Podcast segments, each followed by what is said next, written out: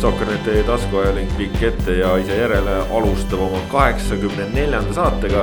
ja täna siis räägime mõistagi koondise jalgpallist, Eesti koondis on äh, kaks äh, mängu siin viimase nädala sees pidanud, ühe peavad nüüd alanud nädalal veel.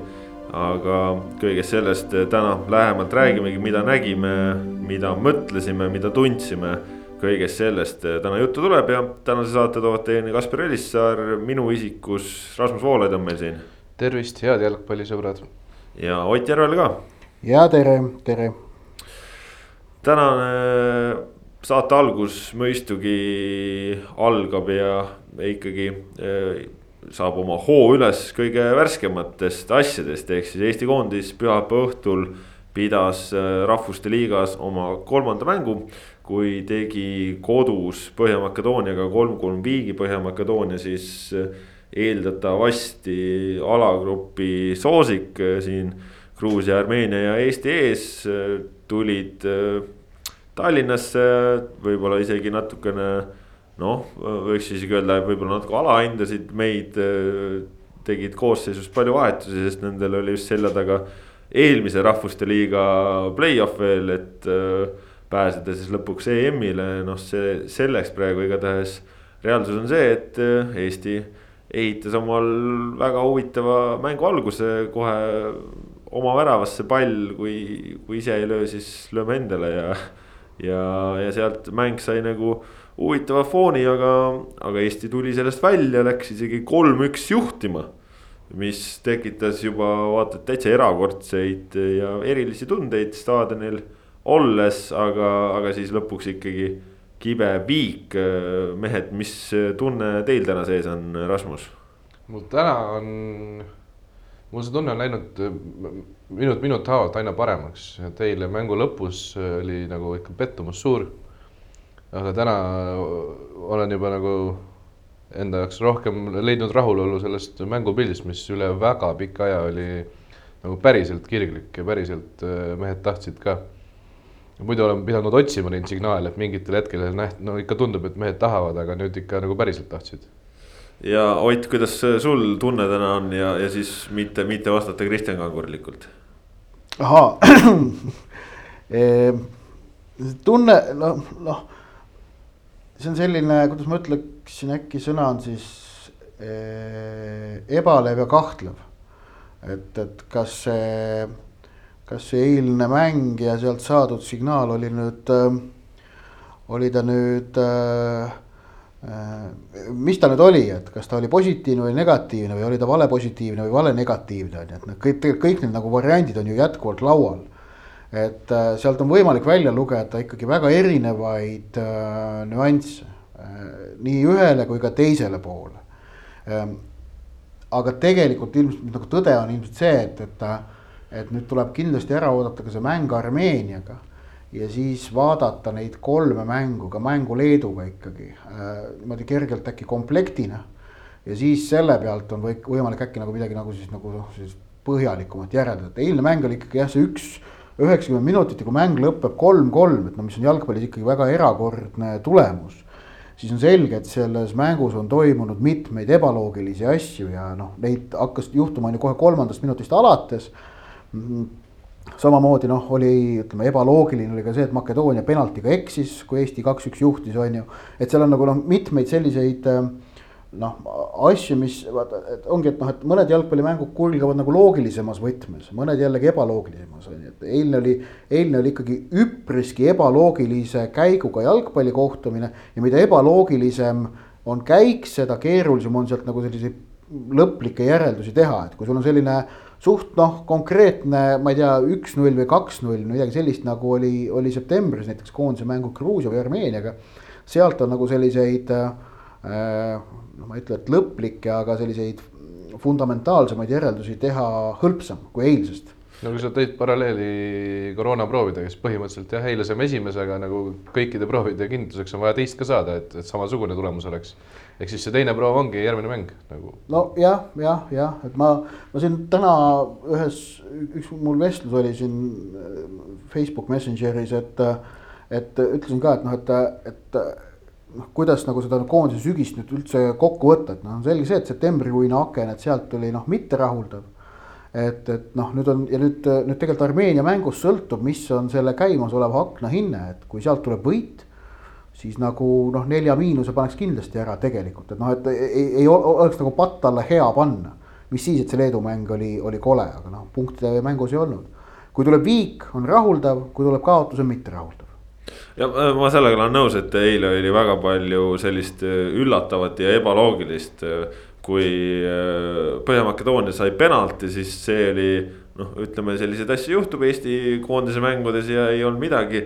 aga, aga just sel hetkel, kui nad selle sai, siis ma mõtlesin, huvitav, millal Eesti viimati penalti sai ja et, et miks Eesti üldse penalteid ei saa. ja siis Põhja-Makedoonia lõi oma selle noh, otsis ristnurka, lõid latti, läks Ma... paar hetke mööda, Eesti sai penalti, mõtlesin vau, et mis nüüd juhtus. kas äh, noh, me kõik vaatasime kolmekesti mängu, jälgisime staadionil, aga et teleülekandest vist oli väga hästi olnud näha, et, et äh, kuidas kaheksateistkümne aastane Karl Jakob Hein äh, töötles äh, kahekümne kaheksa aastast Makedoonia koondise ründajat Aleksandr Traikovskit et ma nüüd ei, ma, ma neid nüansse ka ei ole nüüd jälginud, aga, aga noh, väidetavalt olla Hein seal teinud, ütleme head tööd sellega, et see Traikovski noh, see Traikovski eksimus, see oli lohakus eksimus. see ei olnud tegelikult ju noh, tehniliselt tehniline eksimus, see oli pigem lohakus eksimus. väravaht oli läinud teisele poole, värava pool oli vaba, aga noh, see oli selline. no otsis ristnurka noh. nojah, jah, jah, aga. oleks saanud lihtsamalt. aga noh, Hein seal, Hein seal ikkagi noh teg-, tegeles selle penaltilööjaga intensiivselt, ütleme niimoodi ja see oli. lõpetuses pani veel nii-öelda noh, kui ja. läks out'i, siis ta tuli sealt värava joonelt kaugemale natuke. nagu, nagu ja... tähistas nagu enda meestega, aga, aga, aga muuseas natukene, muuseas natukene ütles Traikovskil äkki ka miskit või midagi. see oli nii stiilne, niisugune pehme, pehme õla, õlamüks, millest ei saa nagu kinni hakata, et see võis olla nii-öelda jäi hästi juhuslik mulje, aga no see ilmselt ei olnud väga juhuslik no selles mõttes äh, penaltite osa peal ütleme siis äh, noh, igas mõttes üks-null meile on ju, et. kaks-null, mingis mõttes kaks-null. jah, et, et, et selle nurga alt, et äh, siin. Liivak näitas, kuidas tuleb penaltit risti no, lüüa. no päris risti ei löönud, aga, aga, aga nurk oli ilusti. No, no selles mõttes näitas, et tuleb, kuidas, kuidas mitte nagu noh, liigselt riski. ja ei, absoluutselt, aga mis, mis ma tahtsin öelda, oligi siin, et, et ühel pool Äh, see kaheksateistaastane Hein ajab, ajab ründaja rivist välja ja eksib ja teisel pool siis. meie ei lase ennast rivist välja lüüa, vaid meie õpime nende kommunikatsioonist ja selle pealt teeme õige otsuse ja lööme palli sisse ehk siis. Äh, no ma arvan, et jah, see on see, mida Liivak rääkis, et ta sai aru, mida üks keskkaitsja oli öelnud väravvahile, aga noh, et esiteks et, et, et see nagu aitas tal valida sama nurka, mida ta kasutas Floriana mängus Flora eest mängides. et aga no see ei olnud ainus põhjus, et me, miks ta sinna nagu lööma läks ja, ja noh, ütleme, sa ei saa nagu eeldada, et väravaht teeb täpselt nii, nagu see kaitse talle ütleb. ei saa eeldada, aga noh. et aga, aga ei noh, mõnus, mõnus nüanss jah juurde on ju, et, et aga no lõpuks on ikkagi see, et, et noh, selle penalti löömine sellisel hetkel on ikkagi psühholoogiline võitlus iseendaga. ja, ja Liivak võitis selle. ja, ja seejärel läks, ütleme mitte just äh, mitteteadlikult, vaid vägagi teadlikult tähistama Eesti jalgpallifännide ette ja, ja, ja siis rõõmustama. nojah. ütleme, et jah, see, see oli märgiline hetk ja, ja väga märgiline oli, oligi tegelikult Liivaku mängujärgne pressikonverentsi öelda ja, ja, ja ma ei mõtle siin seda, et keeled suhu ja Euroopasse, mis oli kahtlemata ka lõbus vahepala, et äh,. tahad sa rääkida sellest või? Ei no jällegi, no ma räägin ümber siis kõiki asju, mis meil on portaalis juba loetavad, aga, aga noh ma ei, aga, aga ma ei seostaks nüüd otseselt seda nagu värava tähistamist sellega, mis ta nagu pressikale ütles, et me ei saa eeldada, et et need tegelased, kes on liivakule puid alla pannud, on ka seal fännitribüünil. ei, ei muidugi. et need asjad ei ole nagu omavahel niimoodi otseselt. ei, ei ole, aga noh. aga, aga mis mulle noh, seda liivaku pressikonverentsi on võimalik, mis ta ütles, on võimalik, on ju meil portaalist lugeda, aga mida ma ka siis oma reportaažis lõpuks ütlesin, et nagu, nagu võlu on minu jaoks see, et, et, et liivak, esiteks ta teadvustab väga selgelt, et ta on sellises noh, etenduses osaline. aga lisaks sellele, et ta on selles ise osaline siis ta on samal ajal ka ise selle asja pealtvaataja, ehk et ta suudab vahepeal seda nagu ise kõrvalt vaadata nagu iseenda osalemist sellise, selles noh, protsessis, mida, mida see ühe jalgpalluri noh, suhe avalikkusega on, on ju, et, et see on nagu äh, huvitav ja, ja noh, et see noh, pole ju praeguse seisuga pole ju nagu kahtlust, et kummas leeris on seal nüüd see vaimne üleolek siis. aga Ott, kas sa, kas sa oled sellega nõus või mida sa sellest arvad, et, et võib-olla sina selles etenduses oled võib-olla nagu lavastaja rollis? ei, ei ole. ei, ei ajakirjanik selliseid etendusi ei lavasta, vaid äh, ajakirjanik äh, otsib äh, nüansse ja juhib nendele tähelepanu äh,. ja minu noh, reportaaž Floriana mängust otsis ühe, ühe selge nüansi ja, ja rõhutas seda küll, aga aga see ei olnud mingil moel nagu ju välja mõeldud nüanss, vaid see oli ikkagi ju noh, asja, noh asjad olidki nii et, et, et noh, Liivakul on olnud selja taga väga keerulised äh, poolteist aastat isegi. et ta noh, eelmine hooaeg, kaks tuhat üheksateist Floras alustas ta ju tegelikult ründajana. noh, siis selle koha, kas on õige öelda, ma ei tea, ma arvan, et seal isegi ei ole vist õige öelda, kaotas Erik Sorgale, aga noh, okei okay,. Äh, suunatigi oma päris kohale. suunati oma päris kohale, mängis eelmise hooaja sügisel tegelikult koondisest head mängud aga siis jah, selle Ukraina mänguga no asjad läksid vussi on ju, seal kui ta selle äh, noh, see oli nagu, see oli nagu üks selline halb hetk, et kus ta, kus, kus ta lõi jala mättesse. ja noh, käesolev hooaeg Floras nagu noh, võimalust vaata et peaaegu polegi saanud, et nagu on, on koosseisust välja langenud. nagu Jürgen Henn siin oli vist augustis või septem-, septembris äh, natuke nagu ma ta käest küsisin seda vist augusti lõpus, vaata ma kirjutasin sellest ka yeah, loo yeah. meile. et noh, tegelikult, et seal on nagu lisaks nagu mängulist, äh, lisaks nagu Liivaku enda nagu vormile on osaliselt põhjuseks ka see, kuidas nagu Flora mängib, et. et tal ei ole tingimata praegu väljakul nagu kohta, et, et tema, tema tüüpi mängijale. Ehm, aga et noh, et äh, nüüd tal ongi siin viimase kuu aja jooksul kahel väga otsustaval hetkel suutnud õnnestuda, tõsi no ütleme nii, et äh, on, on võimalik vastu tuua nüüd kolmapäevane mäng Leeduga, et, et noh, ma pakun, et see sööt Maarinile ei olnud nagu täitsa niimoodi mõeldud, vaid et pigem ta, pigem äkki vast proovis ta sealt nagu ikkagi peale lüüa ja see läks nagu vussi.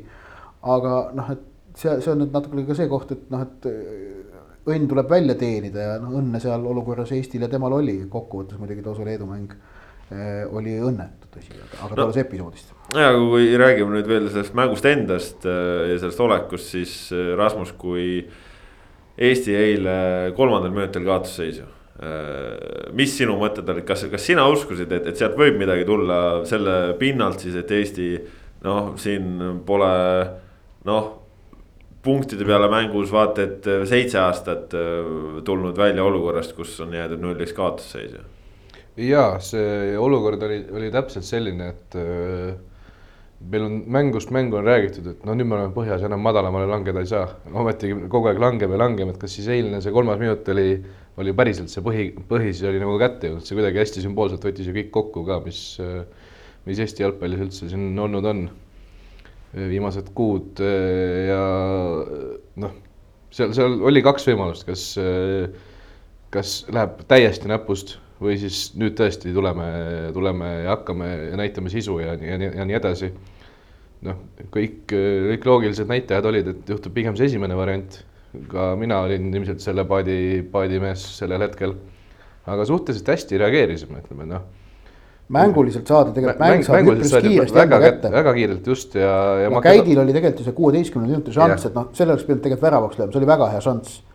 aga noh jah, Kostja see pall Käidile ja Käidi esimene puude, need olid mõlemad super. jah, kaks, kaks kolmest olid väga head seal olukorras, kolmas ehk siis see Käidi löök ebaõnnestus või noh, läks, läks liiga keskele aga tõesti, tegelikult esimesel poolel Makedoonial ei olnud ühtegi võimalust ju põhimõtteliselt. noh, mõned üksikud, no mingil hetkel olid küll igatahes löögid olid kolm-null või neli-null Eestile või olukorrad. ja, et selleks hetkeks, kui Zappinen lõi äh, üks-üks värava, polnud Makedoo-, oli Makedoonia teinud ühe pealelöögi, mis oli selline suht hõlbus, mille Hein püüdis. jah, see äh, suhteliselt väga lihtne. kasti seest tuli küll, aga et, et äh, selleks hetkeks oli jah, oli esmalt oli Zappelin ise löönud peaga, Käit oli löönud, Baranov oli ühest nurgalöögist löögile pääsenud, siis tuli see kombinatsioon, kus tuli üks-üks. tõsi, poole lõpus jälle siis üks-ühe pealt nagu Makedoonia sai surve peale. noh, see karistuslöök täitsa lõpus oli Mhm. vast kõige nagu teravam moment, on ju. aga Eestil oli poololukordi, nagu Kostja peale löök ja Sapinen peaga, sellised suhteliselt asised olukorrad. Kostja oma ka õige jah. oli asi- asised olukorrad ja nagu oli põhjust optimismiks juba, juba tegelikult null-ühe pealt. et mänguliselt oli jah, esimene poolaeg pärast seda Kuuse omaväravat oli ikkagi hea tegelikult no, jah. me, aga me, see, me, me, me ju ise ka seal pressitribüünil tõdesime, et, et Eesti mängib reaalselt korralikku jalgpalli, mis oli ütleme Suur- harimatu ol- natuke. oluline kontrast sellega, mis eelmises kodumängus punktide peale, kus oli siis see Gruusia mäng, kus nagu ikkagi tegelikult ei tulnud üldse mitte midagi välja. et selles mõttes ja, et, et nagu noh, aga lihtsalt oli, oli küsimärk see, et kas sellest nagu mängulisest äh, silmailust tuleb ka on ju resultaat ja noh, lõpuks äh, tuli, aga, aga tuli ka selline resultaati pool, et noh, mis nagu tekitas kahetsust, et osaliselt rõõmu, osaliselt kahetsust. no räägime algusest headest asjadest või? Sapineni värava esimene näiteks äh, kombinatsioon. kombinatsioon super ja Sapineni liikumine ka rünn-, kastis oli no vägagi, vägagi nagu tippründajalik. ja no see ma noh, tahan selle värava puhul ikkagi väga kiita Vlasi Sinjavskit, et noh. väike konks, mõnus sööt, pikk tuleb nii hästi sealt ja, ja korralik lahendus noh. Sinjavski, noh, ta oli esimesel poolel nähtavam kui teisel, mis on nagu noh, loogiline, et ta teisel natukene hakkas väsima ja lõpuks ka vahetati välja. aga esimesel poolel jah, et tema nagu, kuidas see, kuidas Sinjavski suutis üksikute täpsete puudetega ja kusjuures ta ei tee neid puuteid liiga palju. ei tee, ei tee. et kuidas ta suutis sellega nagu äh, panna Makedooniat äh, muretsema, teha Makedooniat ärevaks ja samas siis nagu Eesti võistkonnale anda sellist hingamisruumi, et see nagu näitas, kuivõrd äh, väärtuslik ta seal vasakul äärel oma selle nõtkusega on. ja no sellest äh, ütleme, et äh, hingamise andmisest tegelikult peab ka Zappinen ennast kiitma, kes äh, siis nüüd näitas, et äh, suudab väga hästi palli katta, omaks võtta ja laiali jagada, et ütleme. ta on ju oma füüsilise poolega väga palju tööd teinud ja, ja üha enam ja järjest rohkem räägitakse sellest, kui tugevaks on, on ta kehaliselt muutunud, sest ta ei ole ju tõesti pikakasvuline ründaja, aga noh eile Zappinen võttis neid palle maha, säilitas, jagas, käis alt läbi, lükkas söödu äärde liikuma. Noh, tõesti väga hea oli vaadata seda. ei, ei olnud seda, et Zappinen oleks seal kahe mingi koljati vahele kuskil täitsa ära kadunud või kellegi taskusse jäänud, absoluutselt mitte. et seda oli, seda oli väga hea näha ja, ja noh, kui nüüd veel rääkida sellest, et, et Eesti tuli kaotusseisust välja ja läks kolmeks juhtima, siis see oli ikka harukordne. See oli harukordne, tõesti. see, see momentum, mis, mis nagu mingil hetkel tekkis, see noh, ütleme, et Eesti jalgpallisõbrana sellist hetke on ikka no nii kaua oodatud, nii, nii kaua oodatud. ja et noh seda nüüd, seda, seda seeriat nüüd siin oktoobris ei võimendatud ei saanud, sellest vist rääkisime septembris, et aga et punktide peale mängus, kui Eesti viimati jäi null-üks kaotusseisu, siis enne eilset viimati teeniti punkte kaks tuhat kolmteist septembris, kui Hollandiga kaks-kaks mängiti. noh, see on siis seitse aastat, kui ja. aitan matemaatikas õppida. just, et, et noh, tõsi, vahepeal on olnud siin mõni mäng, kus nagu on küll kaotusseisust punkte võetud, aga mitte null-üks kaotusseisust, et, et Ungari vastu kodus oldi ka üks-kaks taga. võeti kolm-kolm viik, on ju, aga aga, aga jah, et see, see nagu oli ikkagi. ja no, maavõistlustes siis kolm aastat. jah, Läti, Läti., Lätiga kaks tuhat seitseteist Riias, et seal tuldi null-ühe pealt kaks peale aga, aga, aga noh, et, et, et ja nüüd ongi, et noh, et kas nagu sellistest väikestest nüanssidest, mis me siin õnnestumistest oleme rääkinud, üks mees, keda me ei ole praegu üldse maininud, kes tegi väga hea mängu, oli Vladislav Greida. noh, et. hiilgav partii, ma ütlen tõesti, tõesti hiilgav partii, see, kuidas ta, no üks asi, mida ta kaitse, kaitsefaasis, kuidas ta röövis palle. Aga see, kuidas ta palliga ise liikus, kuidas ta palli laiali jagas kuidas ta oli kogu aeg õige koha peal, kuidas, kuidas ta luges. vaata, ta, ta pakkus kaitsjatele sööduvarianti, väga mitu korda Eesti kaitsjad, kes olid küljejoone juures äh, vastase surve all. et Kreida pakkus neile nagu selle variandi, kuidas sealt surve alt välja tuua ja noh. ja ta ja tõi, tõigi ja tõigi ja tõi ja jagas selle palli kohe edasi et noh, tõesti noh, väga hea mäng äh, Vladislav Kreidalt ja noh noh, tõestus järjekordselt, et põhimõtteliselt okei okay,, ma, ma, ma tean, ma pärast mängu Leeduga ma küsisin, miks Kreidat ei olnud algkoosseisus. no ilmselt tõesti vist siis sellepärast, et, et teda hoida nagu nendeks kaheks äh, punktide peale mänguks, sest et noh, ta on tegelikult asendamatu mees praegu Eesti jaoks. ja, ja, ja teine asi, kogu see keskvälja kolmik eile oli balansis ja toimis. Kreida, Käit, Vassiljev seal keskel. Äh, nüüd esimest korda sel sügisel Eesti keskväli oli algusest peale kenasti balansis ja toimis. ja oli väga hea, väga hea, sest Mattias Käidilt äh, ka väga väga tugev partii, nii hea liikuvus, hea nagu mängu tajumine. esimesel poolel tehnilist praaki natuke. oli, oli, oli. aga jah, suures plaanis ikkagi aga noh, ütleme, et see on selles mõttes mingi nurga alt loogiliselt seletatav. ütleme siis selle pealt, et ta nüüd ikkagi selle aastanumbri sees nüüd väga palju jalgpalli ei ole mänginud, et, et ta on kindlasti tõusvas vormis ja no,, ja, ja ka koondise esitused on. ütleme, et Leedu vastu oli ka korralik ja nüüd läheb nagu järjest paremaks, et, et selles mõttes väga meeldiv näha ma näen Käidis juba vaikselt selliseid liiderlikke omadusi, mida me oleme. ära praegu seda sõna sa.... omadusi lihtsalt, mitte ei, seda, et oleks. sa kasutasid praegu sõna liiderlik, liidri omadusi jah, jah, seda sorry, sorry, sorry, ma mõtlesin mitte jah, ma mõtlesin, et mitte, et ta nüüd ta olekski täiesti liider juba selles koondises, aga ma näen lihtsalt äh, neid omadusi, mis, mis tal võiksid olla, sest noh. me oleme otsinud äh, sügise jooksul, et kes võiks olla võistkonna liider, Karol Mets ei olnud seda septembris, oleme teda, temalt tahtnud seda. aga käides ma nägin juba neid äh, eile, eile mõningal juhul ja noh, see, kuidas ta karistuslöögi võttis. Kreida ei löönud pikk ei löönud. aga, aga eile, eile oli vaata see, et, et vot selliseid nagu liidri, et, et mängijad ei kadunud väljakule ära, et neid, kes nagu tõusid esile, võtsid vastutust, neid oli rohkem. tegelikult kogu äh, Kreida, noh, jätame Vassiljevi kõrvale, kelle noh, roll ongi noh, kolmekümne kuue aastaselt legendilt, sa ootadki seda. ta mängis ongi, eile oma jah. selle sügise teise hea rahvusvahelise mängu. esimese tegi võõrsil Dinamo vastu, eile tegi teise. Äh, aga noh, Käit jah Kreida samamoodi no,. oli äh,. Sappinen kindlasti, Sinjavski kindlasti. Pikk oli. pikk. väga-väga vajalik lüli. kogu see asi kesk välja meeste kaudu, kuidas vasak äär toimis, oli super. jah, et, et, et, et nagu neid mängijaid, kes nagu, et, et noh, vaata Karel Voolaid enne mängu nagu rõhutas seda pallita liikumise olulisust kaudselt me rääkisime seda juba nüüd Kreida puhul, kes kogu aeg jõudis õigetesse kohta ennast pakkuma.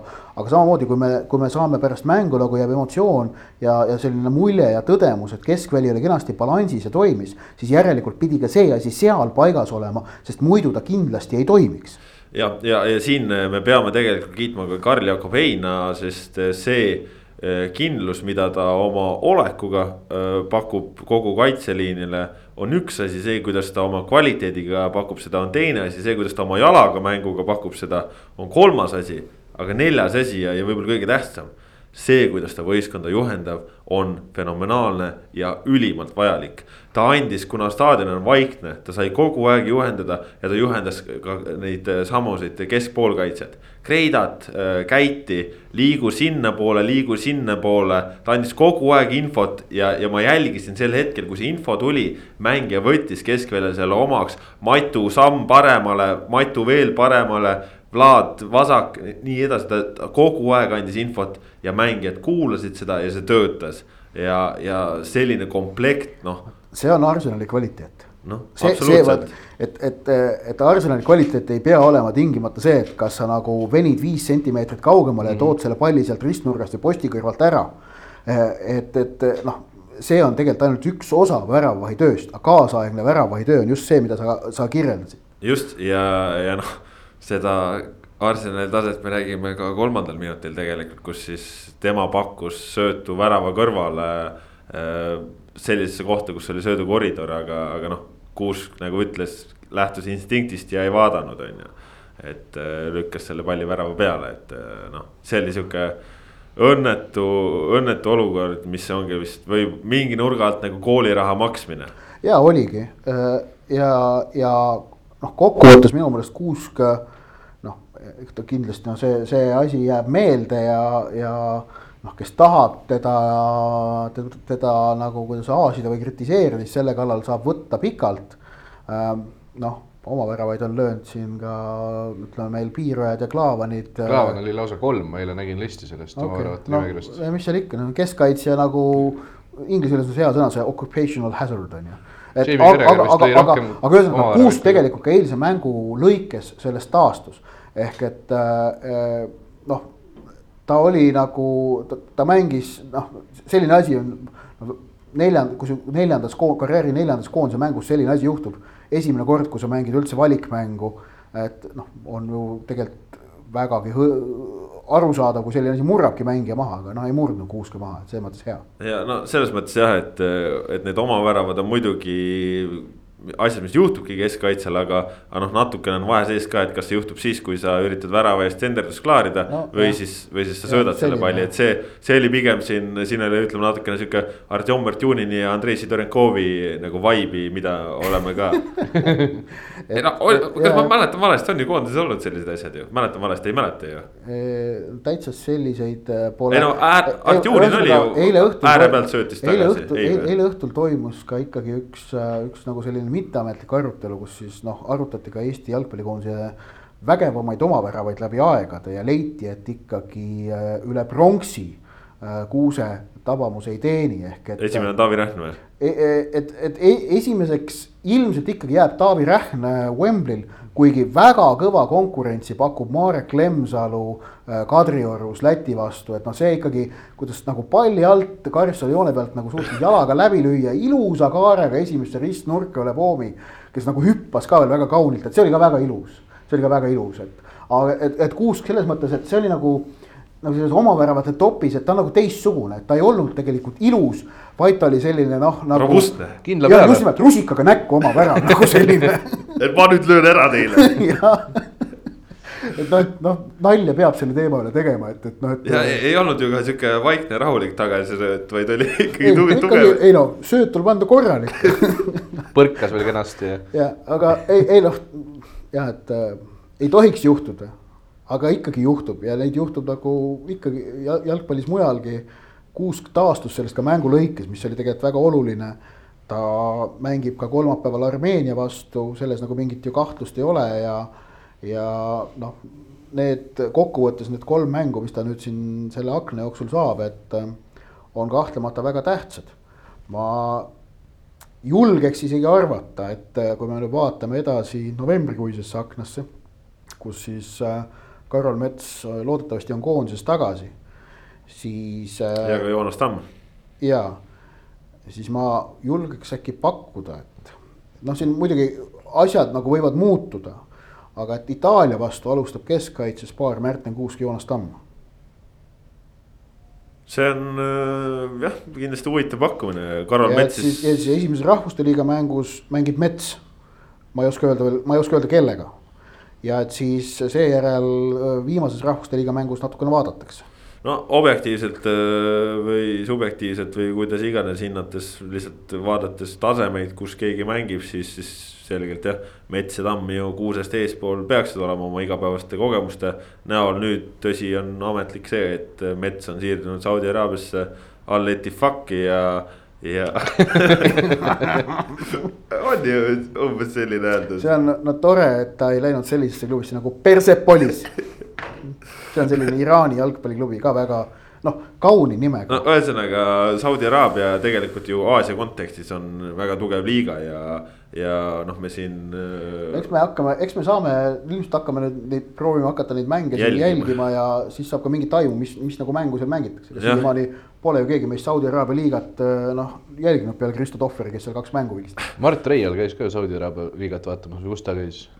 vist käis jah, sest. ei, ta käis Araabia Ühendemiraatides või Abu Dhabis. aga, aga noh, seal see nüanss on tõesti, et äh, raha makstakse seal korralikult. maailma kõrgliigade keskmise palga edetabelis Saudi Araabia äh, kõrgliiga üheteistkümnendal kohal, üksteist, noh, see on väga kõva tulemus, arvestades, kui palju on äh, maailmas siis jalgpalliliigasid, noh see näitab äh, tippu kuulumist ja seal liigas on ju mängijaid nagu ma ei tea, Wilfred Bonid, Giovinkod äh, ja nii edasi, et seal on selliseid mängumehi nähtud küll ja nojah, veel et see on noh, ta on selles mõttes võrreldav ju tegelikult äh, Hiina äh, kõrgliigaga, et ta on natukene nagu sarnane, et sinna nagu tuuakse Euroopast äh, kvaliteeti, ostetakse juurde äh,. Ja et siis nagu segatakse seda niimoodi noh, väga robustselt kohaliku kohaliku, kohalike mängijatega. ja et noh, mis see kokteil sealt täpselt välja tuleb, seda on nagu noh, sellise Euroopa jalgpallistandardite järgi keeruline hinnata sest Euroopas ei juhtu seda, et sul on võistkonna sees ilmselt niivõrd suured tasemevahed. Et, et, et noh, Hiinas on see ju tavaline, et kui sul ühelt poolt mängivad seal mingid hulgid, Alex Vitselid, Didier Drogbad, noh, kes iganes. ja teiselt poolt noh, mingid noh, kohalikud suvavennad, kes isegi Hiina koondisesse ei saa, noh isegi sinna piiri peal ei ole. siis noh, säärast tasemevahet sa Euroopa tippjalgpallis ühe võistkonna sees tegelikult ei näe. sest Euroopa sees on noh, need jaotumised toimuvad loogiliselt, et see nagu jalgpalli loogika paneb need asjad paika. Nendes riikides see loogika on noh, ei ole niivõrd ütleme sportlikult, kuidas öelda, pädev või, või noh. see loogika ongi lihtsalt teistsugune nendes, nendes, nendes riikides ja liigades. seda on huvitav nüüd jälgida kahtlemata, kuidas Karol Metsal seal minema hakkab ja, ja see nagu võib olla Eesti jalgpalli jaoks noh, et, et eks Eesti jalgpall on, on piisavalt väikene, et aken igale poole on nagu selline äh, noh, huvitav, huvitav ja, ja äkki isegi noh, vajalik või, või noh, huvitav nüanss.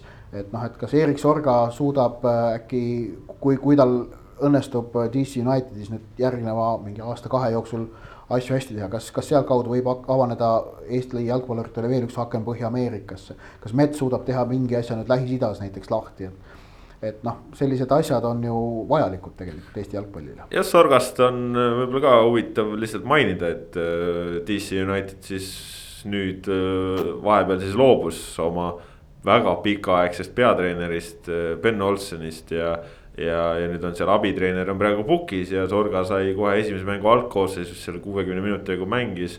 oli ka, oli ka variant väravat lüüa, veel ei löönud ja, ja vahetati seal välja ja DC United sai uuesti tappa, aga noh, mida see tähendab nagu koondise mõttes, kui me siin koondisest räägime, siis et kui nüüd DC United ikkagi play-off idest jääb seal välja, siis kas no,. ühegi, ühegi noh, ükski, ükski näitaja ei viita, et nad sinna jõuaksid, nad mängivad ikka kohutavalt, kohutavalt kehvasti. aga siis, et kas äh, klubi laseb äh, Sorga koondise juurde novembrikuus ja milline on siis koondises ründajate hierarhia, sest Rauno Sappinen eile näitas ennast väga heast klassist ja kaks väravat lüüa koondise eest. kui palju on mööda läinud, kui viimati mõni mängija kaks väravat lõi? no kaks tuhat seitseteist. Äh, oktoober oli Joonas Tamm. kolm väravat. oli Gibraltarile jah ja. ja., kaks tuhat kuusteist lõi Käit Gibraltarile kaks kaks tuhat viisteist juunis Zenjov San Marinole kaks. aga et kui need kääbusriigid nüüd noh, tõesti, kus nagu elanike arv alla saja tuhande välja jätta, siis oli jällegi see kaks tuhat kolmteist mäng Hollandiga, et siis kui Kostja kaks tükki lõi, et punktide peale mängus noh, duublit ega Eesti, Eesti mängijad sageli ei löö, et. ja nagu Zappinini selle eilse duubli kõige väärtuslikum nüanss minu jaoks on see, et tal oli kaks võimalust, ta lõi kaks väravat nendest.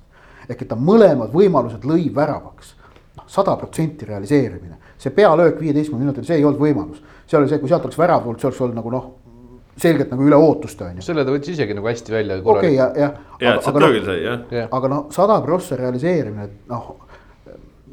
Jällegi noh, see on üks mäng ja see on üks, üks esitus, sellest ei saa teha nagu noh, mingeid lõplikke või, või kaugeleulatuvaid järeldusi. aga kui me otsime neid positiivseid märke ja noh, ma nagu selles mõttes olen olen ja optimistliku maailmavaatega inimene, et ma nagu otsin nagu positiivseid märke. ei tähenda, et ma ei vaataks negatiivseid märke, aga, aga noh, kui neid positiivseid otsida, siis see kahtlemata üks selline on.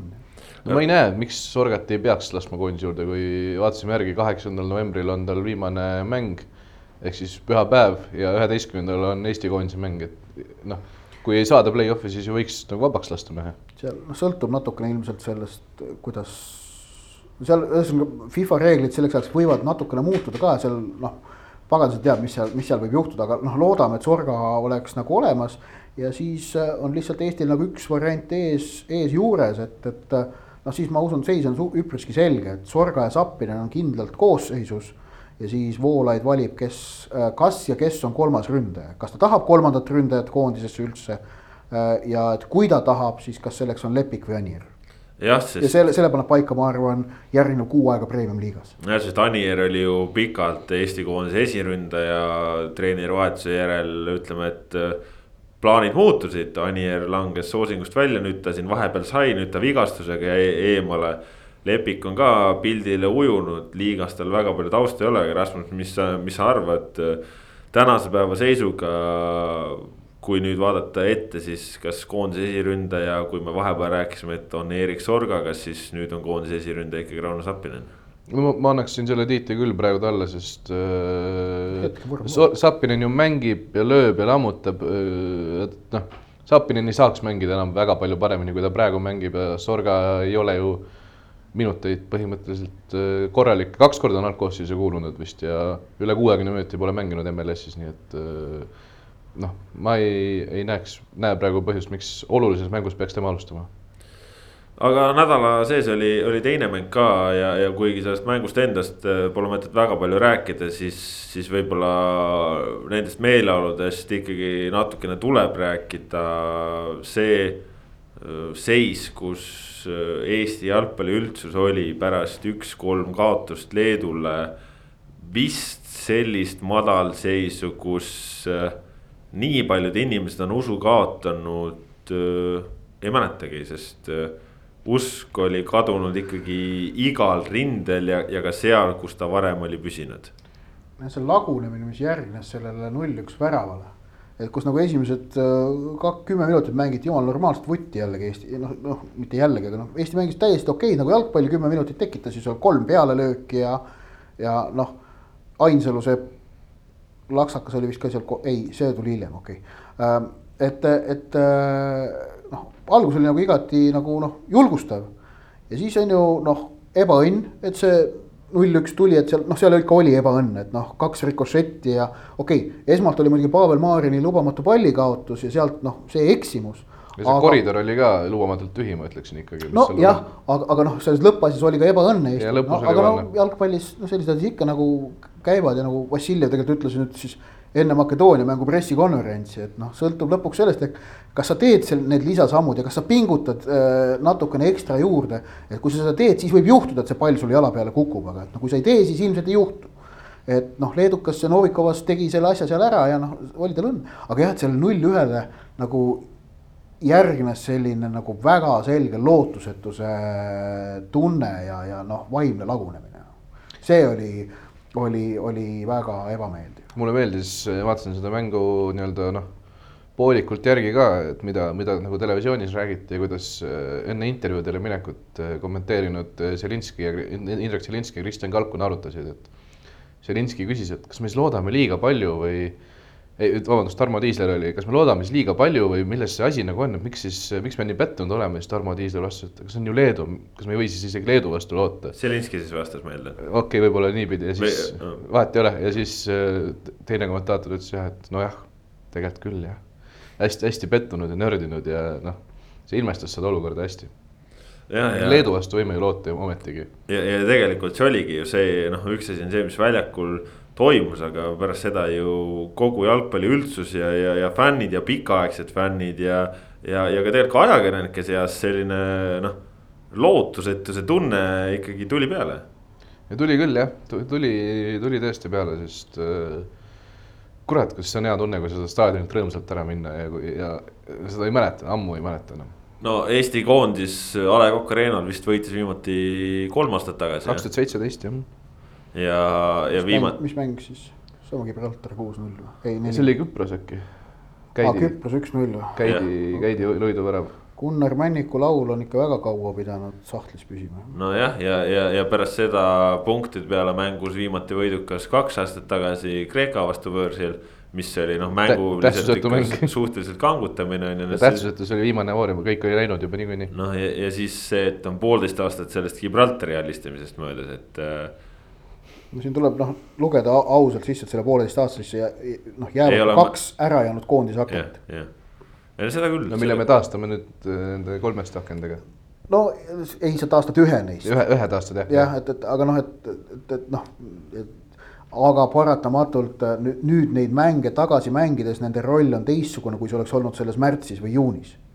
ehk et äh, noh, kui märtsis oleks olnud see maavõistlus Leeduga, siis oleks ta olnud äh,, Eesti oleks mänginud seda mängu äh, tugevama koosseisu, kui ta mängis nüüd. ehk et noh, tegelikult oli vaja katsetada, oli õige koht, seda Voolaid ka tegi ja noh, sai ka mingid asjad teada, et, et noh, et me saime kokkuvõttes nendeks nagu mängudelt teada seda, et et ikkagi premium-liiga tempo pealt rahvusvahelisesse jalgpalli tulek on, on väga keeruline. Äh, et äh, nende kahe mängu kokkuvõttev järeldus on see, et, et noh, Flora meestel, kellel on äh, septembrikuust ikkagi all kolm tugevat rahvusvahelist mängu Euro Euroopas et noh, et me võime nüüd vaielda, et kas need mängud Islandi ja Malta meistrid, kuivõrd nagu tugevad nad tempo mõttes olid, aga noh, pinge oli seal kahtlemata mõlemal puhul väga kõrge. Ja see on lõpuks see, mis nagu noh, kasvatab, et kui sa selle pingega toime tuled ja selle pinge all eh, esined edukalt, et noh, et eh, Flora need mõlemad mängud võitis ja, ja siis noh, Dinamo vastu oli, oli nagu teistmoodi mm, pinge peal. Eh, ja noh, pigem on ju, me jäime tolle esitusega ka rahule, et nagu Florakatel oli, oli nagu tulla nagu hõlpsam sellesse temposse sisse, kui, kui näiteks Paide linnameeskonna ja Viljandi tulevikumeestel et, et noh, Edgar Turr Leedu vastu noh, vahetuses sekkus, paraku ei, ei suutnud nagu mängul, ei ole ka lihtne olukord, ma ei nagu selles mõttes ei, ei nagu ei, ei taha nagu laita, on ju, aga ei ol, ei olnudki mingi lihtne olukord tulla, et noh, üks no, no, oli, oli, oli peidus noh. no jah, jah, ja noh, Pavel Marin mängus Leeduga tegi head ja tegi halba, et noh, lõi värava, kiitus, tahtis väga, absoluutselt kiitus, aga ka eksis selle Leedu värava puhul ja ja no eilne mäng oli see, et, et, et noh, et ta ei olnud ju ei Leedu, vabandust, ei Makedoonia teise ega kolmanda värava puhul kindlasti mitte ainus nagu see ke,, ke, kelle pealt see värav tuli. aga ta oli mõlemas ja mõlemal puhul oli, oli osaline jah, et, et noh.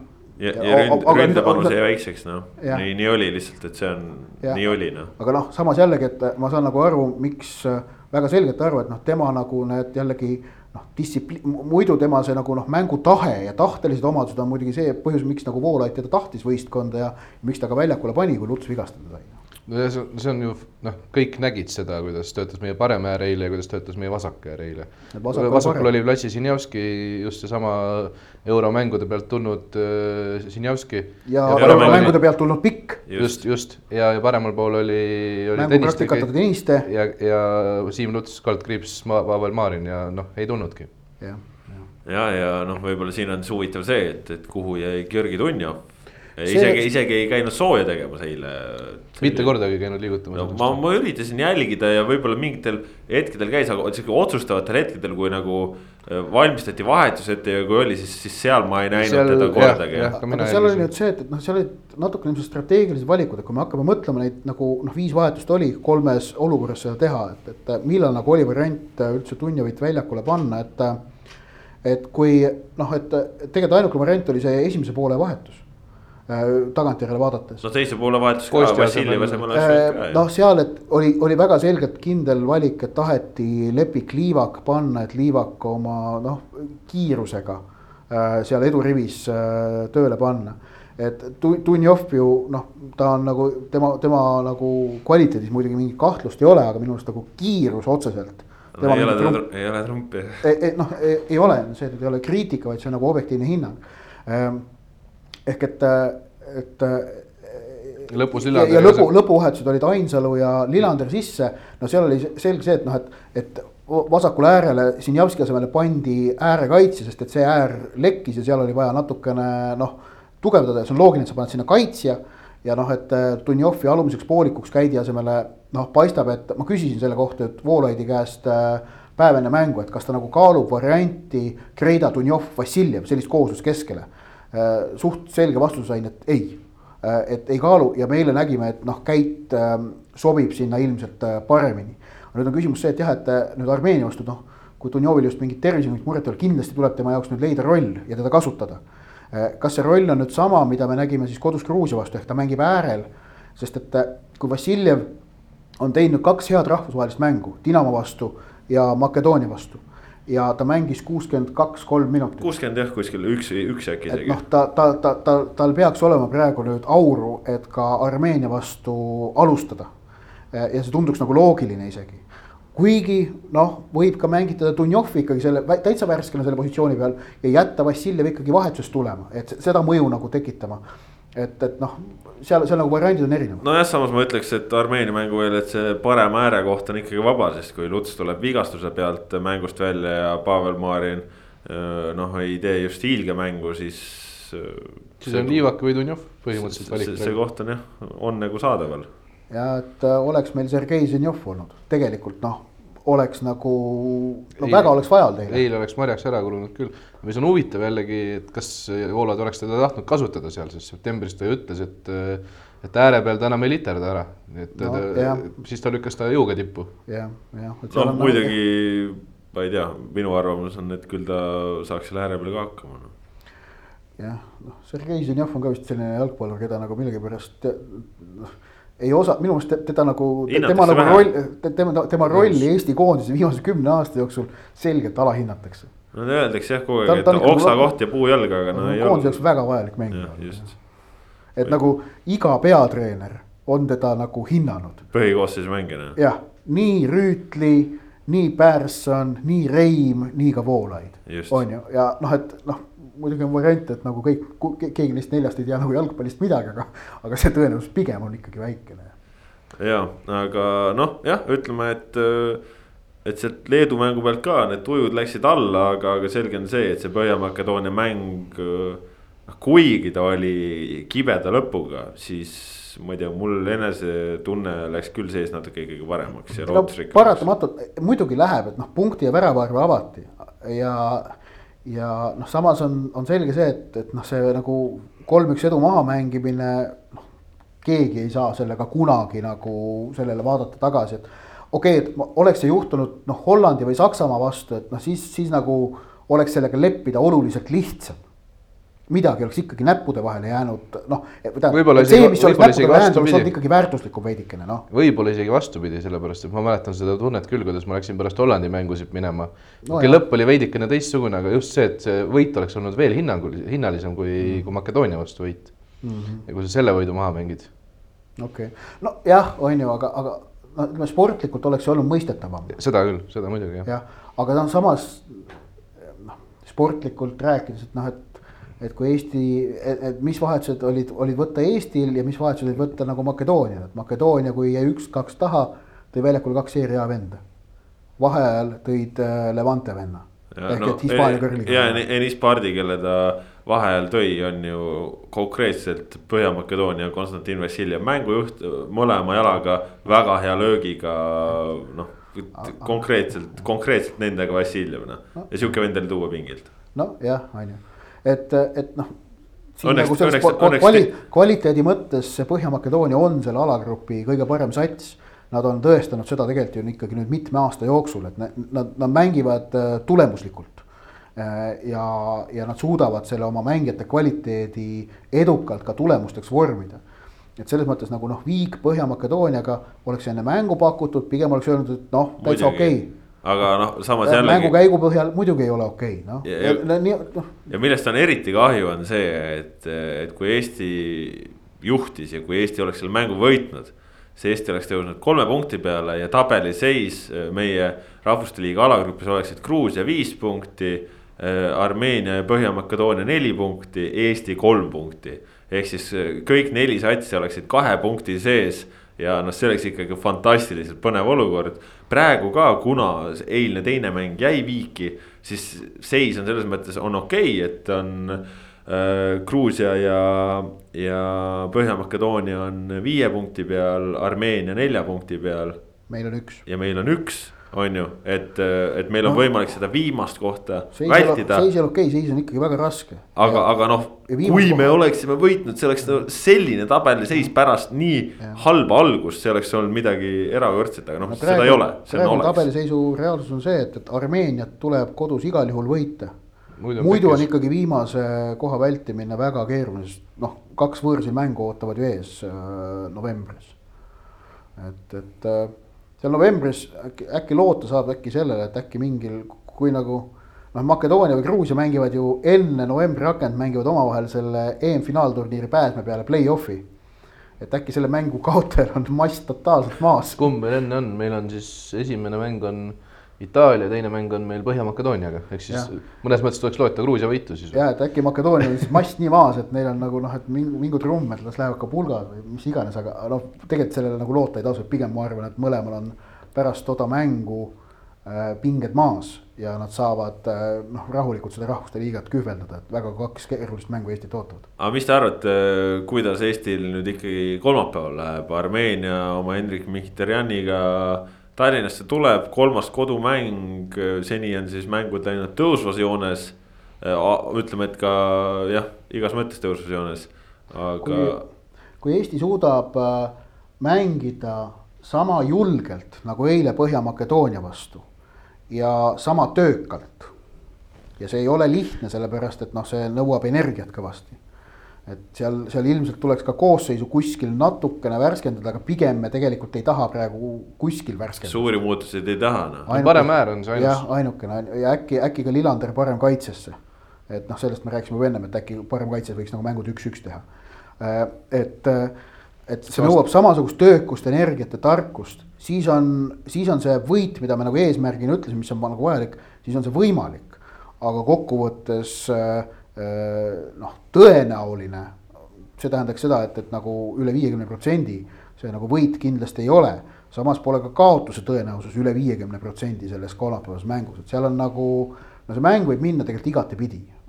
üpriski nagu noh, Eestil on koduväljaku eelis ja mingid positiivsed emotsioonid, aga Armeenial on, on samamoodi noh, neil pole ka nagu mingit põhjust midagi karta või, või, või kuidagi nagu negatiivse tunde pealt siia mängule tulla noh ja no ütleme, Eesti kindlasti kindlust sai juurde ja, ja noh, mõnes mõttes noh, ütleme, ma arvan, väga sellist vajalikku kindlust. Äh, ja võib-olla just, just nagu, äh, nagu tõestus sellest, et, et tegelikult oskame jalgpalli mängida. ja, ja, et, et, nagu et kui need, kui need kaks septembri mängu ja mäng Leeduga olid see, kui nagu Eesti mängis selgelt alla oma võimete.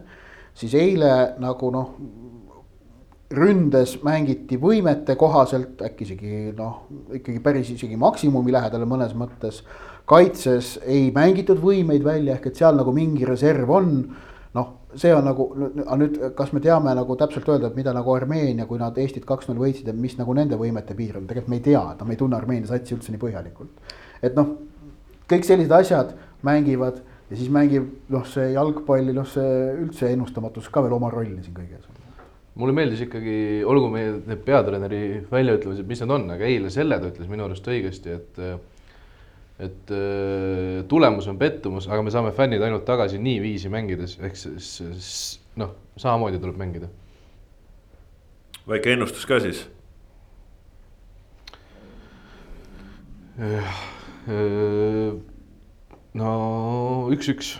ja realistlik ennustus minu arust on ka viik ma isegi ei oska ennustada, mul enne eilset mängu no oli. ise, kuule küsid ennustust. ja ma ütlen, mul. sa saad kõige kauem oodata ka veel, ma praegu endiselt lasen sul mõelda. mul, mul enne eilset oli kusjuures täiesti, täiesti sõnu seletamatul põhjusel oli mul äh, võidutunne. kusjuures mul tuli kuskil kolm tundi enne mängu tuli sama tunne mingi, ma ei saagi aru, miks ja kust see tuli. küsis Brit-Maria Tael küsis päev enne mängu, mis ma ennustan, minu arust ta küsis tema, ma ütlesin null kolm, noh no päev enne mängu olin mina ka pessimistlik, aga kuskil võib-olla see mingi. mul, mul kusjuures veel äh, oli, oli.... mul ka selline võidutunne alati enne mängu tekib, isegi Wembley Inglismaaga mängides käis nagu enne mängu säevaks läbi, et aga kui läheb nii ja nii, et siis ju tegelikult võib juhtuda. ja noh, kui Eesti viimati Wembley mängis, tegelikult ei olnud üldse nagu midagi väga võimatut, isegi tagantjärele vaadates sealt nagu viik kätte saada, aga noh, tegelikult jah, et sellised äh, tunded käivadki jalgpalli juurde. No, et... mul oli kusjuures oli, oli isegi olukord äh, vahetult enne mängule tulekut, staadioni tulekut tegin mul kodus Äh, väikse söögi veel ja siis oli mul, oli mul Messengeris väike chat äh, teemal, mida ma söön ja nii edasi ja. ja siis mul oli tegelikult äh, külmkapis ka kooki veel, Napoleoni kooki, aga, aga siis ma ütlesingi, et ma jätan koogi pärast, et Eesti võidu tähistamiseks ja siis, kui Eesti kolmeks juba juhtis, ma tegin sellest chat'ist juba screen'i ära ja, ja ma olin valmis Twitterisse selle panema, et ma nüüd lähen kooki sööma. aga kurat, siis ikkagi ei saanud aga ma koju läksin ikka ja kookisin ka, aga noh ei viik oli, no pff, ma ei tea, ma eelmine nädal ütlesin juba, et Eesti võidab vist kaks mängu või. ja nii ei läinud, aga ma ütlen, et Eesti võidab ikkagi. Eesti võidab kaks-null. ilmselt see ongi nii, et noh, kui me räägime ennustamisest, esmaspäeval ennustame kolmapäevast mängu, siis oleme nagu realistid ja räägime nii, nagu kuidas tegelikult on, aga kui sa küsid nagu kaks tundi enne mängu, siis juba tuleb mingi loll optimism ei no adrenaliin on sees. jah, ja siis juba kõik ennustavad võitu, ma arvan, et kui nagu on see teha mingi empiiriline uuring, siis äh, see läheb no- tõusvas trendis no küll. jalgpallimängu mõnes mõttes kõige nauditavam osa üldse on minek staadionile. see on see hetk äh, või see faas nagu jalgpallimängust, kus nagu on aega selle mängu peale mõelda ja käivad läbi nagu kõik stsenaariumid jooksevad peast läbi et on see siis, no eriti äge on see, kui seda on muuseas võimalik nagu niimoodi kõndida staadionile, et Jaa. pikem jalutuskäik, et see nagu on selline eriti virgastav, ka mõtet virgastav, et siis kui staadionile juba kohale jõuad ja siis nagu noh, siis nagu meie ametis läheb asi on ju noh, tekivad, tulevad töömõtted esiteks pähe ja teine asi on see, et kui seda nagu vaatad Eesti satsi, noh heldimus on ju, vaatad vastast, kurat tugev on ju. et, et, et siis nagu tekivad juba teistsugused mõtted, aga see no ütleme, staadioni kõnnak või, või stadium walk inglise keeles on see, on see jalgpallimängu mõnes mõttes kõige helgem osa no ma paneks esikohale, ma paneks pärast võitu staadionilt lahkumise ja teisele korrale, teisele kohale paneksin selle staadionile jalutamise. no ma panen esikohale väravajärgse hetke ikkagi. ei, ei, ei. see on selline noh, see on sunnitud emotsioon. No sa pead, sa pead rõõmustama. aga see nagu, mis on sinna staadionile tulles, see No on vaata-, võib-olla- see on vaata puhas fantaasia ja see on selline äh, sündmustest rikkumata fantaasia. vaata Ott, siin on võib-olla see nüanss, et sa oled ikkagi elukutseline väravavaht ja sinu jaoks see väravarõõm ongi võib-olla teistsugune. tal on rohkem väravakurbus. elukutseline värav, no tähendab, siiamaani pole leidnud ühtegi lollakat, kes oleks nõus mulle väravavahiks olemise eest palka maksma, nii et elukutseliseks mind nimetada ei saa. no kuule, sa oled käinud ikkagi tiitlivõistlustel väravahina küll teisel alal, aga, seda küll, jah. aga siia saate lõppu väike vaade ka, ka sellele, millest me tegelikult otsapidi juba rääkisime, me rääkisime eelmise Rahvuste Liiga play-off mängudest, mis selgitavad äh, viimased neli EM-ile pääsejat. Ja, ja kui me räägime ja kui me rääkisime, et meie alagrupikaaslased Gruusia ja Põhja-Makedoonia lähevad vastamisi, siis tõesti äh, nädala sees neljapäeval, eelmisel neljapäeval, siis nad suutsid oma vastased alistada ja tegelikult äh, nüüd hakkab see pilt äh, väga selgeks saama, ehk siis äh, meil on A-tasandil variant, kas, kas läheb Ungari, Island, B-tasandilt Põhja-Iirimaa, Slovakkia C-tasandilt Serbia või Šotimaa ja D-tasandilt Gruusia, Põhja-Makedoonia, nii et hakkab natukene nagu ilmet võtma see olukord, ma arvan, et A-tasandilt äh, ungarlastest on kõigil suhteliselt savi ja kõik tahavad ikkagi Islandit näha. minemas Island siis läks- F-alagruppi, Island läks päris heasse alagruppi, oi, mis alagrupp see oleks.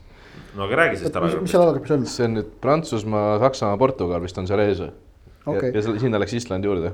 okei okay,, aga no seal on see noh, et ütleme, et Ungari noh, okei okay,, Ungari koondis kahjuks nagu ka äh, on, on, natukene sellise hõnguga nagu, nagu on Venemaa ja Türgi koondised, eriti Venemaa koondis, aga ka tegelikult Türgi koondis ehk et äh, kergelt ka poliitiline tööriist enda, enda riigis. ja mis on, mis on natukene ebameeldiv äh,. sellepärast, et noh, ühegi nende riigi juht äh, demokraatiat ju ei austa siis äh, aga, aga Ungarit olles ise kaks tuhat kuusteist EM-il näinud, et toona nad olid ikkagi huvitav vaadata nii mänguliselt, aga ka tegelikult nende see, kuidas öelda, kultuuriline pool, et Ungari jalgpallikultuur on, on ta, ta on endiselt ikkagi ju selle kunagise maagiliste majarite mõju all. et see EM-ile pääs äh, üle pika-pika aja noh, mahendas natukene seda pidevat ängi, mis seal Ungaris valitses aga, aga noh, seda, seda, seda nagu rikast jalgpallikultuuri kumab sealt ikkagi läbi, et selles mõttes äh, noh, Islandit on nüüd juba kaks korda nähtud küll, et noh, nad, me teame täpselt, mida nad pakuvad, et mõnes mõttes Ungari oleks äkki isegi natuke huvitavam. nojah, aga no Island on Island on ju. aga noh, Island on Island ja tõesti Portugal, Prantsusmaa, Saksamaa ühes alagrupis. kolm viimast tiitlivõistluste võitjat, neliteist, kuusteist, kaheksateist. ja, ja kõikide suur lemmik Island, kelle kaotust ei taha ka keegi näha, see tundub nagu lihtsalt selline ulmeline alagrupp, et kui sinna tuleks Ungari, noh siis. noh, kõigil on veits savi, sest dressipüksi väravahti pole enam ja ja Gabor Kirjalik kahjuks enam ei ole jah, see on, see on. no ta on, aga ta ei ole enam jalgpallur. nojah, jah, jah. no olgem täpsed jah. aga noh, jah, vaata, mis, mis teised variandid on, B-tasandil on siis äh, mängu jäänud Põhja-Iirimaa ja Slovakkia.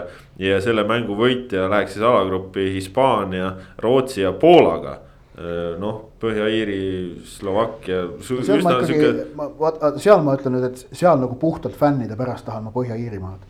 et, et see pidu, mida, noh, see, see pidu, mida põhjaiirlased suutsid äh, kaks tuhat kuusteist Prantsusmaal püsti panna Äh, see oli tegelikult äh, tolle EM-i kõige vägevam pidu. Island oli jällegi jah, noh, Island, Island nagu lõi muuga, lõi selle uudsusega, lõi sellega, et nad jõudsid sportlikult veerandfinaali. alistasid Inglismaa ja, ja tõid äh, kümme protsenti riigi rahvastikust EM-ile mis on muljetavaldav.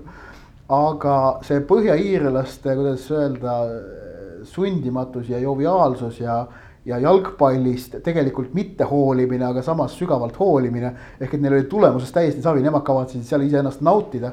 see oli nagu fantastiline vaadata. Slovakkiaga mul sellist, ma nägin toona ühte Slovakkia mängu koha peal, aga noh, Slovakkiadega mul sellist nagu emotsionaalset sidet ei ole, et ma nagu põhjaiirlasi tahaksin küll näha EM-il jah.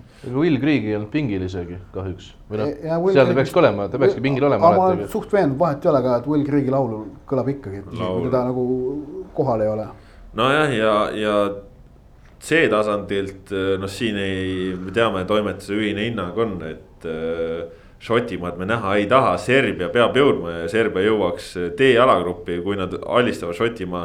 ja see grupp oleks Inglismaa, Horvaatia Tšehhi ja Serbia ehk siis. see oleks üliäge kooslus. konkreetne selline Balkani vibe'iga Kesk-Euroopa madines on mingid inglased, kes arvavad, et nad on kõigist kõrgemad ja kaotavad tõenäoliselt kolm mängu. ei noh, Serbia-Horvaatia duelli pärast tahaks juba seda ka alagruppi, oleme ausad, see oleks nagu, no see oleks. see oleks selle alagrupi turniiri ilmselt võib-olla äkki isegi suurim maasikas mõnes mõttes.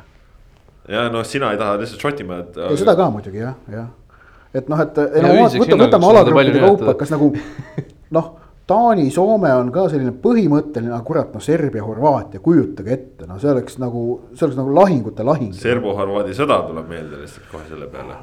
kahjuks küll jah, on ju, aga ja, ja siis on, siis on veel noh, okei okay,, muidugi see Portu-, Portugal, Prantsusmaa, Saksamaa kooslus, seal on ka muidugi väga vinged duellid sees, aga, aga noh, jah aga jah, et siis ja siis äh, Makedoonia versus Gruusia mängu võitja läheb F või vabandust E-alagruppi, kus on, ei, mis alagruppi, F ju E-sse. mis mängu võitja? Makedoonia. Äh, see läheb äh, Makedoonia ja Gruusia võitja läheb C-alagruppi, kus jah. on Holland, Ukraina, Austria ehk siis. noh, seal meil vist ei ole vahet, me teame lihtsalt seda, et Põhja-Makedoonia on tugevam. tundub kergelt ikka tugevam olevat jah, ja, ja selles mõttes äh, äge oleks natukene see, kui Goran Pandev saaks oma selle karjääri lõpuks finaalturniiril mängida, et see. et noh, ta on kolmkümmend seitse ja noh, on selles mõttes nagu väga vägev legend ikkagi. ma arvan, et alustuseks äh, selle paari võitja saab ikkagi preemiaks Eestiga mängida see on äh, fakt, see on ja. fakt nojah, ega see, ühesõnaga siin palju asju on, on selgumas ja, ja mida need play-off'id selgitasid meile juba eelnevalt äh, võib-olla kõige rohkem kahju on jah sellest, et Norra kaotas Serbiale ja. ja Erling Braut Haaland, Martin Õdegaard, Sander Berge ja, ja muud Norra ässad jäävad kõrvale finaalturniirist, et nad oleksid andnud lihtsalt värvi juurde ja, ja sellist lugu ja. ja noh, Lars Lagerbäck on Lars Lagerbäck ja tead, seal nagu noh, Soome, Rootsi, Taani on nagu olemas ja siis oli variant, et Island või et, et, et tegelikult oli ju variant, et tulevad Mõlemad. nii Island kui Norra juurde, et noh, et nüüd, nüüd nagu seda ei juhtu kindlasti. ja siis saame ka meie ennast tunda Skandinaaviale lähemal, et ikkagi muidu.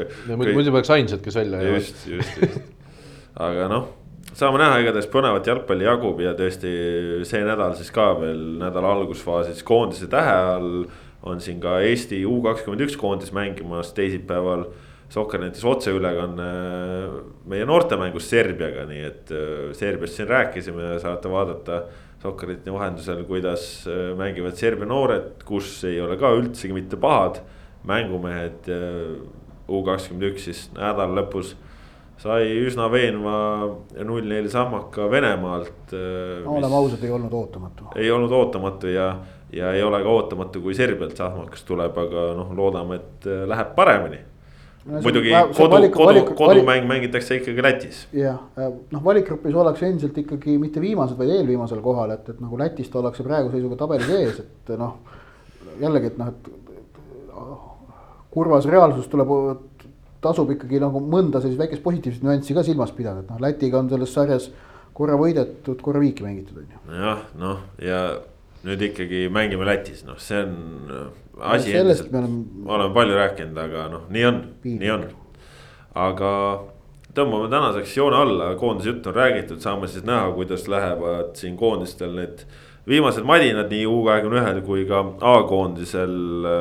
nädala lõpus on tagasi premium-liiga, seal põnevat andmist küllaga aga need jutud juba siis, kui on õige aeg. tänast saate tõid teieni Kaspar Elster, Rasmus Voolaid, Ott Järvela, aitäh, et olite meiega, olge ikka, püsige terved, jälgige jalgpalli, lugege jalgpallist ja mõelge jalgpallist, adjöö